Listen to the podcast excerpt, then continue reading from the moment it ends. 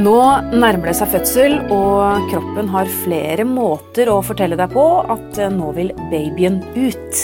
Vi skal snakke om hvordan du vet at fødselen er i gang, med Tilde Broch Østborg. Jordmor Anette Hegen Mikkelsen kommer også, og hun skal fortelle hva du kan forvente deg, altså hva som skjer når du kommer til fødestuen for å føde. Jeg heter Karine Næss Frafjord, er redaktør i Babyverden, og nå er vi i uke 36. Tilde, hvordan vil du beskrive babyen i magen 36 uker ute i svangerskapet? Jo, nå begynner vi å nærme oss eh, fullbåren baby, så ca. 2790 gram denne uka. Og det babyen driver med nå, er jo eh, rett og slett å modnes videre, og så legger den på seg for mer underhudsvett. Hvor mye skal babyen eh, legge på seg nå framover? Mellom 170 og 200 gram per uke. Ja. Og holdt på å si, Merker man det på mor? Skal mor legge på sånn mer, eller man, er mor ferdigvokst? Hva tenker du rundt det? Eh, mor vil nok ofte legge på seg noe mer i, i, slutten av svangerskapet. Enkelte får litt mer vann i kroppen, og sånn, men eh, det er fosteret som eh, det virkelig er viktig for disse ukene. og og opparbeide seg underhudsfett. Ja, så selv om vi nærmer oss fødsel, så er det ikke helt ferdig ennå. Det kan godt uh, bli litt mer kraftig. Det kan veldig gjerne legge på seg litt, fordi uh, det hjelper, uh, hjelper, barnet med temperaturregulering bl.a. å ha et, et, ordentlig lag med litt underhudsfett. Når vi snakker om fett, vi vet at mange barn blir født med noe sånn hvitt vokslag nærmest på kroppen. Ja. Hva er det? Ja, det heter eh, vernix caseosa eh, på eh, latin. Det var derfor jeg ikke kom på det. men, men omtales ofte som fosterfett, da, og det er noe annet enn underhudsfett. Det, vernix er et sånt eh, lag med mm, litt eh, fett og døde hudceller som ligger på barnet når det fødes, hvis det er ordentlig fullbårent, og hjelper med å holde Eh, holde fukt inne i huden.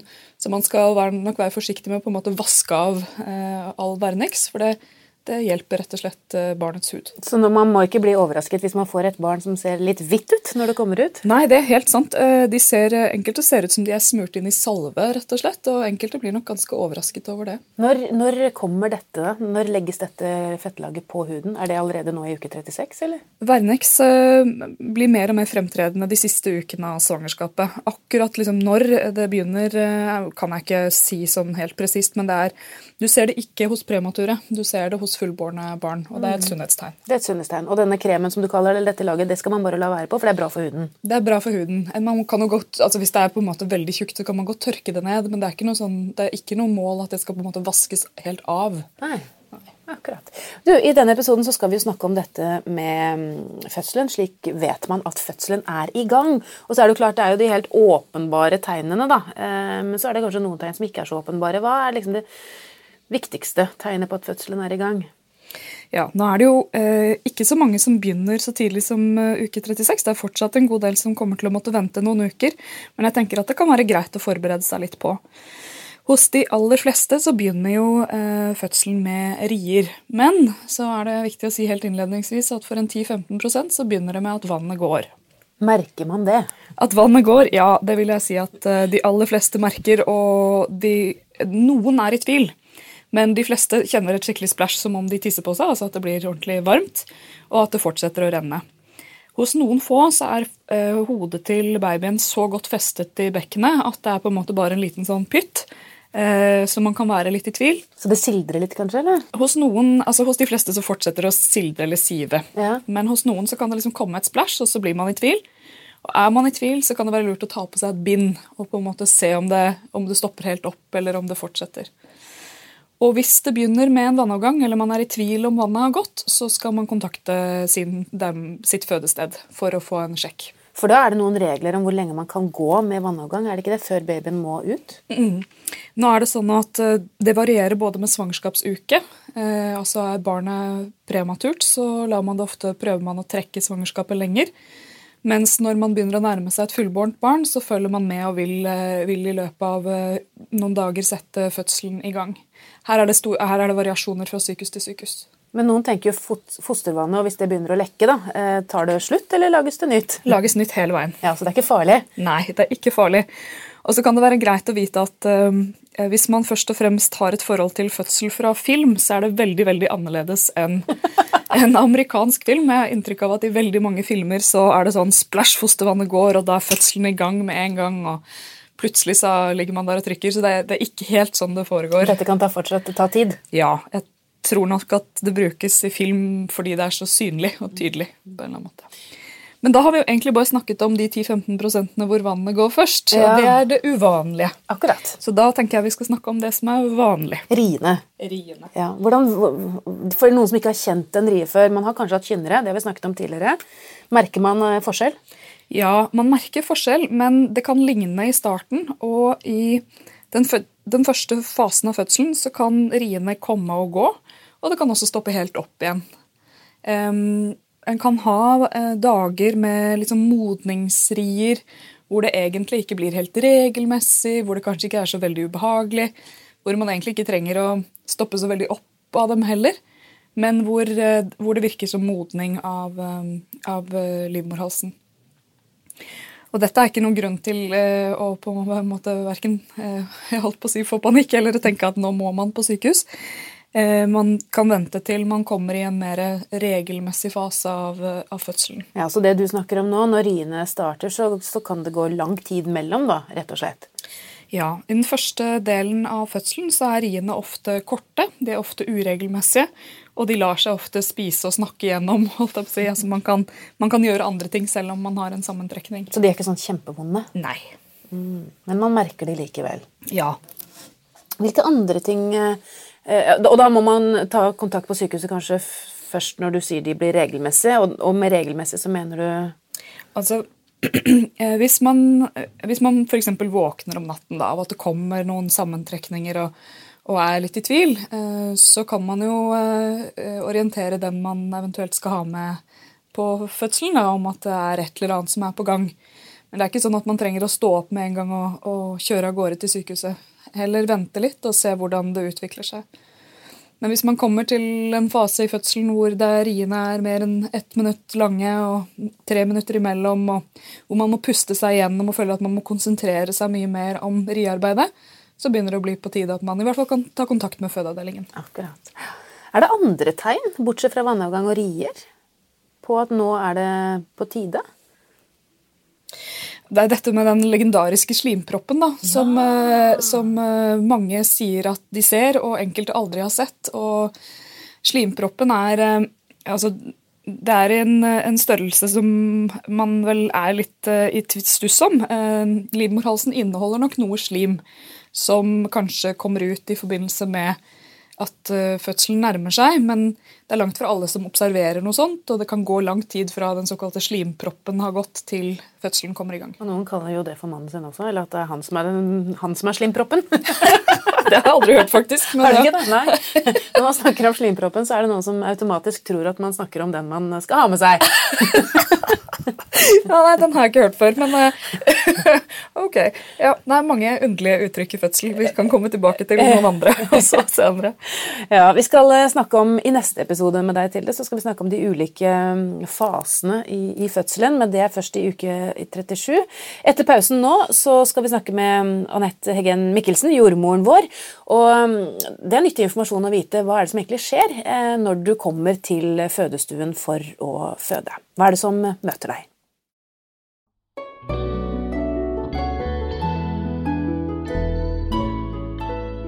Vi er altså kommet fram til uke 36 i podkastserien vår Gravid uke for uke. Og så er det jo sånn at når du skal føde og kommer inn på fødeavdelingen, så er det en del ting som skjer. Det kan være greit å forberede seg på det, Anette Heggen Ja. Mikkelsen, jordmora vår. Og du bør jo vite, da, hvordan man blir tatt imot hva Altså når- man er i fødsel, eller man på en måte har fått definert, da, eh, og kanskje har man ringt eh, fødeavdelingen på forkant og kommer inn, eh, så regner jeg med at man blir undersøkt på et eller annet vis? Eller hva er det som skjer? Ja, altså det er litt viktig når jeg sitter ute i svangerskapskontrollene, så pleier jeg å si noe om at man må kanskje være forberedt på at man er innom sykehusavdeling, fødeavdeling flere ganger hvis man er førstegangsfødende. Og det høres jo veldig slitsomt ut, og det er det jo også faktisk en del som opplever som ganske slitsomt. Men vi har som et eh, prinsipp, vil jeg vel si her i Norge, at vi tenker at hvis mammaen er komfortabel med å være hjemme første delen av fødselsforløpet, altså de første sju-åtte timene, og spesielt hvis det er natta, at hun har det bra hjemme, så er det et lurt sted å være nettopp hjemme.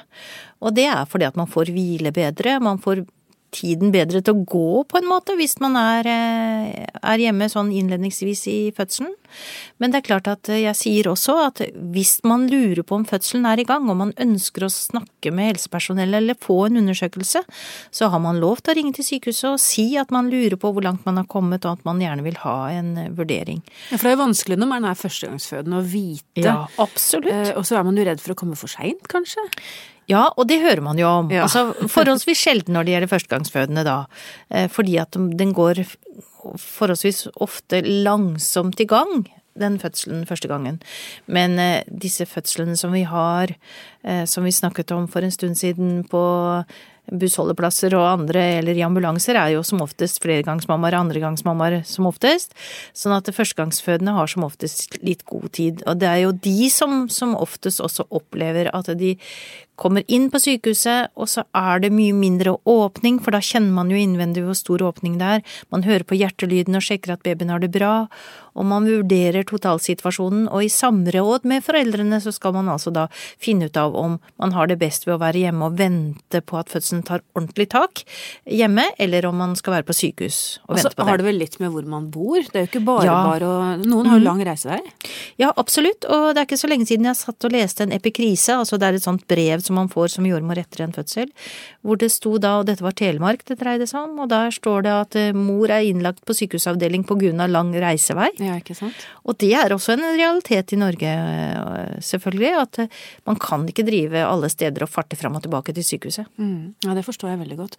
Men når man da liksom har på en måte fått konstatert da, at nå skal det skje, nå skal man føde, kommer da inn, eh, hvordan blir man tatt imot? Ja, det første man gjør da, det er at man kommer i, avdelingen og treffer sin jordmor. Altså da har jordmødrene, eh, idet man tar telefonen, så har man lagd en plan for hvem som skal ta seg av denne fødekvinnen som kommer nå.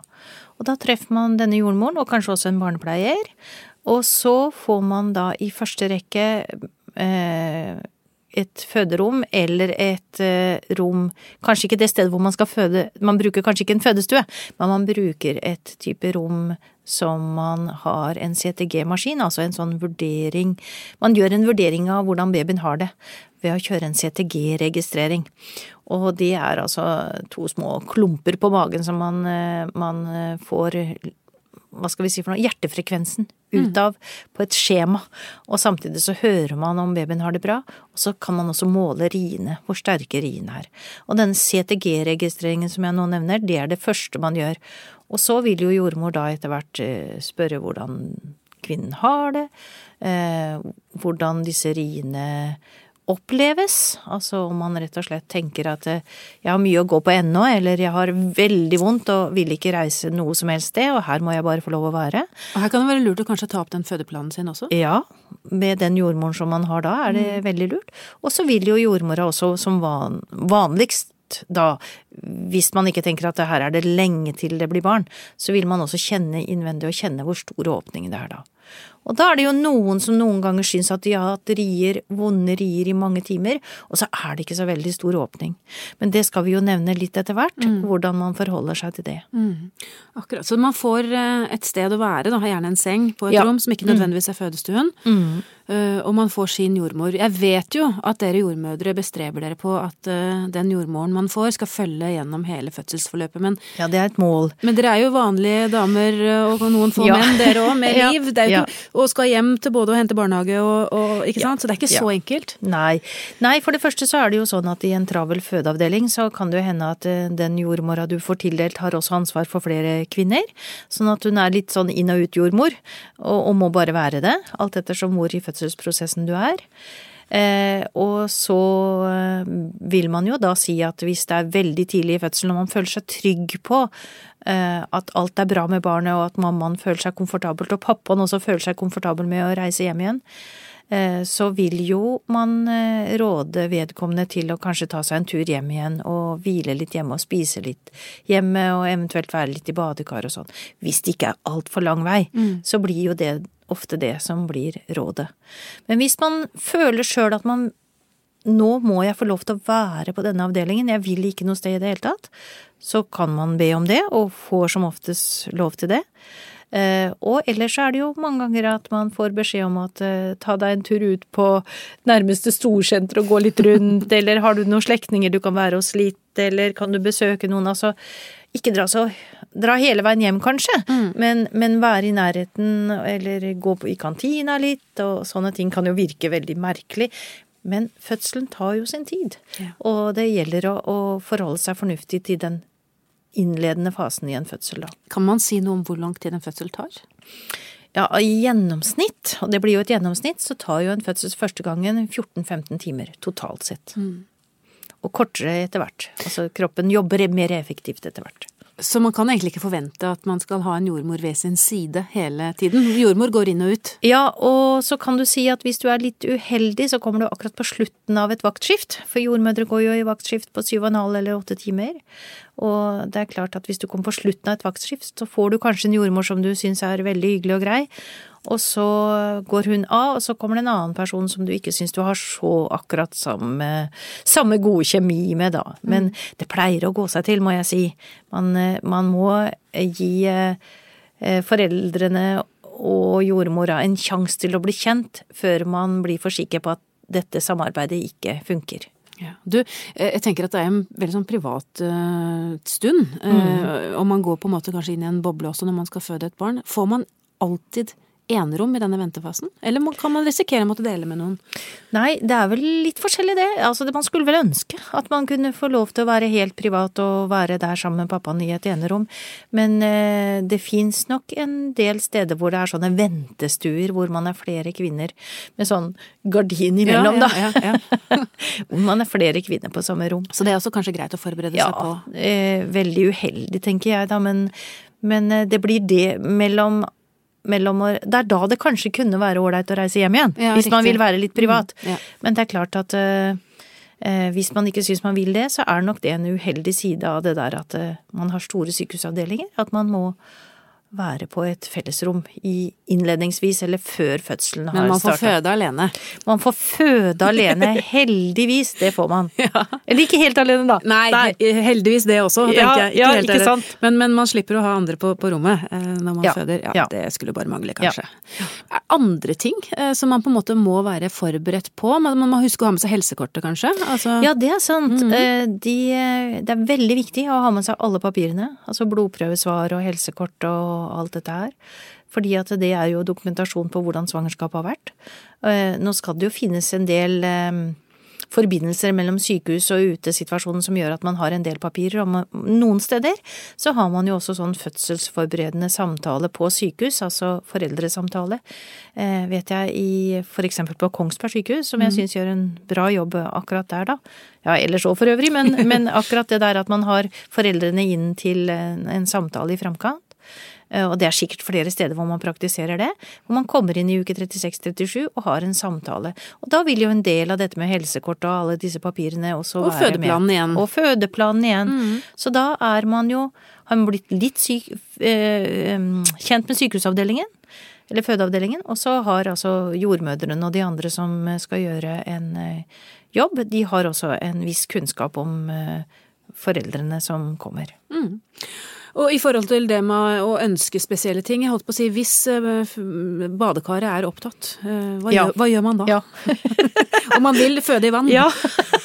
Det ligger noen andre der. Ja, ja, ja, for en kinkig situasjon. Ja. ja. Nei, altså på de aller fleste steder så har man jo flere små fødestuer med badekar, da, for å si det sånn. Men det er vel noen steder hvor, hvor det er ett badekar, og det kan være et problem? Nei, altså da må man jo faktisk rett og slett bare vente, selvfølgelig. Ja. Eh, for uh, hva skal vi si, først inn, først uh, ja, du, Nei, men det, det, jeg prøver å si, ja. er jo at man må kanskje være forberedt på at uh, det blir ikke alltid som forventet. Nei, og spesielt det vi nå har nevnt egentlig og sagt mange ganger, det er at jeg tror mange er forberedt på at fødsel skal gjøre vondt. Det er vi forberedt på. Mm.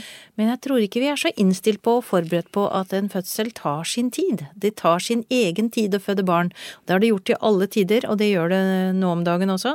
Og at man faktisk må legge inn tålmodighetsgiret når man skal føde. Og det er kanskje noe av det viktigste man må tenke på. Ja, Og så sa jo du at det gjør ikke vondt hele tiden. Betyr det at man kan ta med en bok? Får man liksom Ja, Får man, får man man lest? Ja. Mm, ja. ja, det vil jeg tro. Strikketøy? Strikketøy er Ja. veldig bra. Altså, Se en eh, film, laste ned noen filmer. Ja, ja.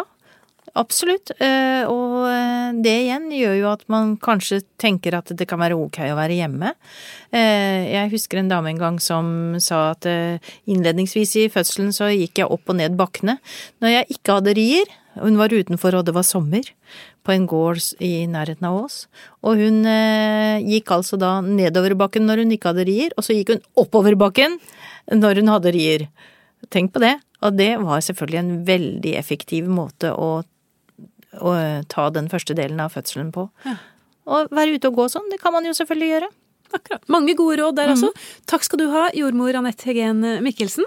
I eh, neste episode, eh, da vi kommet fram til uke 37, da skal Tilde, legen vår, snakke om hvordan kroppen forteller deg at babyen vil ut. Og så skal vi eh, snakke mer om denne forberedelsen til fødsel med jordmor Anette. For eksempel dette med smøring av mellomkjøttet. Har det noe for seg?